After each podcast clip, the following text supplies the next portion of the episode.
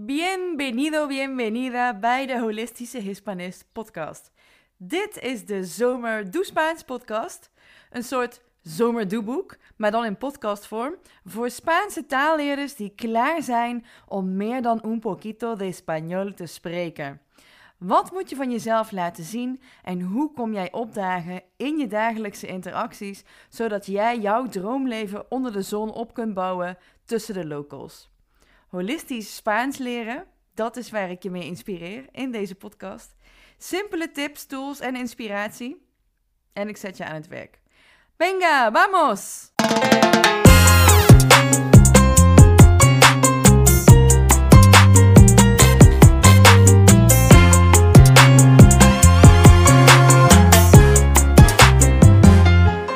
Hola, qué nota, qué ondas, qué tal, qué hay de nuevo? Ik hoop dat je een heerlijke vakantie aan het beleven bent. Misschien lig je wel op het strand nu en ben je lekker een ijsje aan het eten. Of denk je nu je dit hoort, die ga ik halen. Doei! Maar daar gaan we het vandaag over hebben. IJsjes. En specifiek het woord waterijs. Waterijsje, waterlolly. En je hoort al, in het Nederlands hebben we er verschillende benamingen voor. En dat is in het Spaans net zo. Het meest gebruikte woord door Spaanstalige sprekers voor een waterijsje is het woord paleta. Paleta wordt gebruikt in Mexico, de Verenigde Staten, Guatemala, Panama, Nicaragua, Puerto Rico, El Salvador. En er zijn nog verschillende varianten op, uiteraard. Paleta de helado, paleta de hielo. Nou, helado is natuurlijk ijs. Maar dat zou bijvoorbeeld ook roomijs kunnen zijn. Dat is gewoon de algemene benaming voor ijs. En dan hebben we nog het woordje hielo, paleta de hielo. Hielo is ook ijs, maar dan het ijs wat je ziet als het water bevriest. Dus ook ijsblokjes, dat, dat transparante ijs. Nou, helaas, in het Nederlands is zowel helado als hielo te vertalen als ijs. Dus ik hoop dat ik het verschil tussen helado en hielo in ieder geval krijg uitgelegd.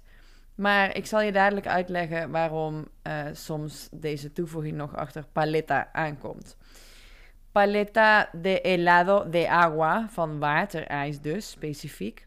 Nou, ik zal je ook wel even vertellen waar het woord vandaan komt, de etymologie. Paleta is een instrument wat plat en langvormig is.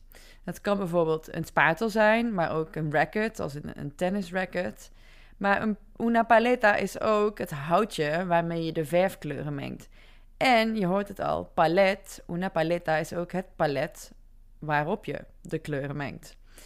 Dus, paleta, in deze is het dus een lang platvormig houten instrumentje waarop we het ijs dragen.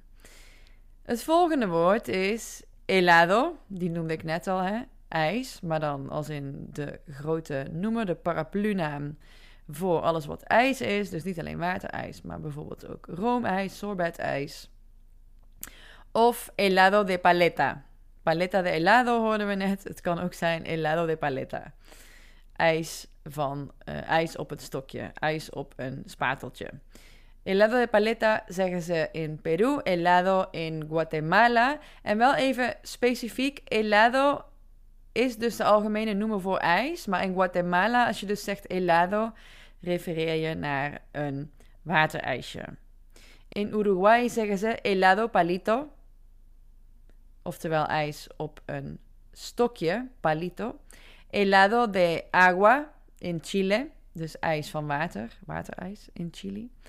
En je hoorde net al helado palito in Uruguay. In Argentina zeggen ze palito, stokje. In Bolivia zeggen ze picolé. Picolé komt uit het Portugees. In Portugal en Brazilië heet een waterijsje picolé. En picolé vind ik het woord wat het meest op de Engelse benaming hiervoor lijkt. En dat is popsicle. Picolé, popsicle. Polo is het woord wat je in Spanje gebruikt voor waterijs. Dat komt van het Latijn polus. En dat komt weer uit het Griekse polos. Polos is de as waar de aarde omheen draait. De, um, ja, de, de pool op die as. En de polen die wij bijvoorbeeld als aardbol kennen, is dus de Noordpool en de Antarctica. En een polo shirt heet in het Spaans ook un polo. En dat komt omdat het zo lekker fris is. Dus in het Spaans, als je zegt ik wil een ijskoud biertje, zeg je una cerveza al polo. Dus dingen die bevroren zijn, daar wordt naar gerefereerd als polo. En un polo is dus een waterijsje in Spanje. Als je in Spanje zegt un helado, dan zou het bijvoorbeeld ook schepijs kunnen zijn. Dus dat is wel een belangrijk onderscheid. En uiteraard wil ik het niet alleen hebben over de etymologie van het woord, dus waar het vandaan komt, maar ook wat dit nog in andere landen kan betekenen. Want ik noemde net de meest gebruikte uh, woord, het meest gebruikte woord is paleta. Maar paleta betekent ook lolly in bijvoorbeeld Mexico en Puerto Rico. En lolly en ijslolly, waterlolly, je hoorde het net al, in het Nederlands hebben we dus ook verschillende woorden daarvoor, liggen niet zo ver van elkaar af. Dus daarom kan het zijn dat je soms die toevoegingen erachter moet doen. Paleta de helado. Dus ik heb het niet over een lolly, maar een ijslolly. Oké? Paleta de caramelo of paletita wordt het ook wel eens genoemd. In Spanje wordt een lolly een chupa chups genoemd, hè, naar het merk.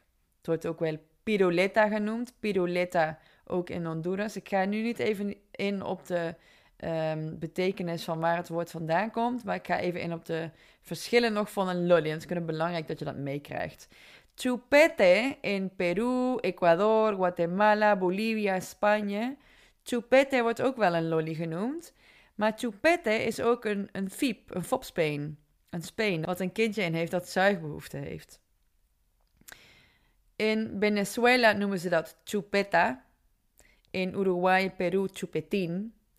En dan komt Colombia met pirolita. Pirolita. Bonbon. Bonbon is een merknaam. Guatemala, Costa Rica, Colombia, El Salvador, Honduras. Allemaal bonbon voor een lolly. In El Salvador zeggen ze ook wel dulce, oftewel snoepje. Caramelo is ook een snoepje in Panama.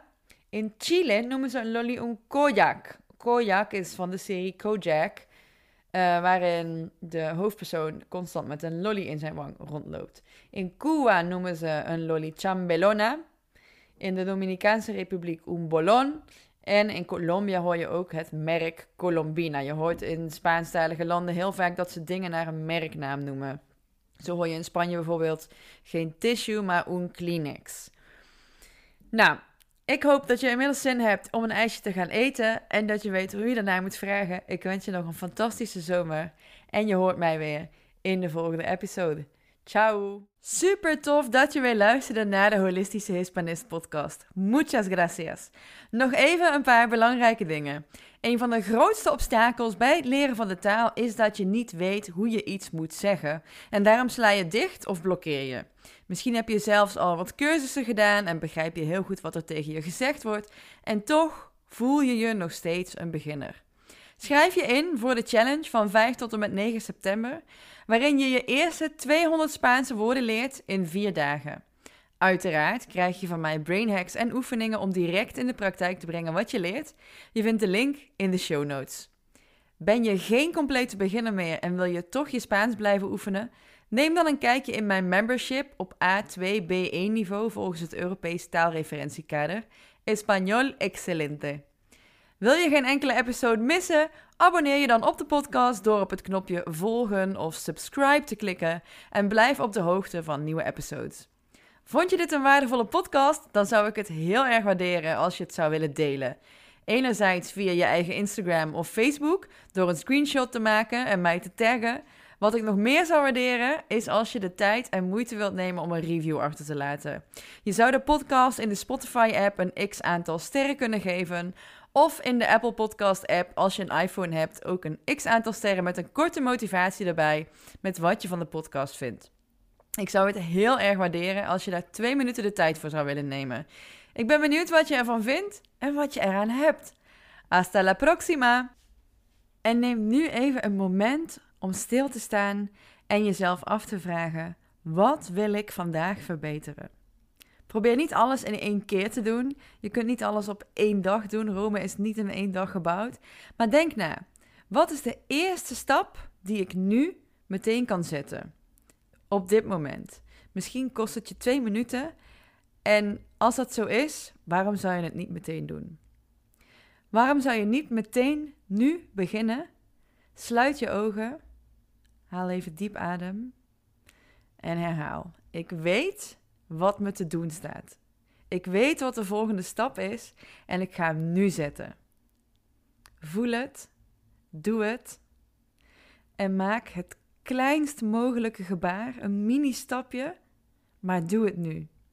Jouw persoonlijke groei, je netwerk vergroten, je relaties verdiepen, iets nieuws leren, een nieuwe techniek toepassen die je helpt. Maar het helpt alleen als je het ook gaat doen en er niet alleen over na blijft denken. Denken heeft geen zin als je het niet gaat doen.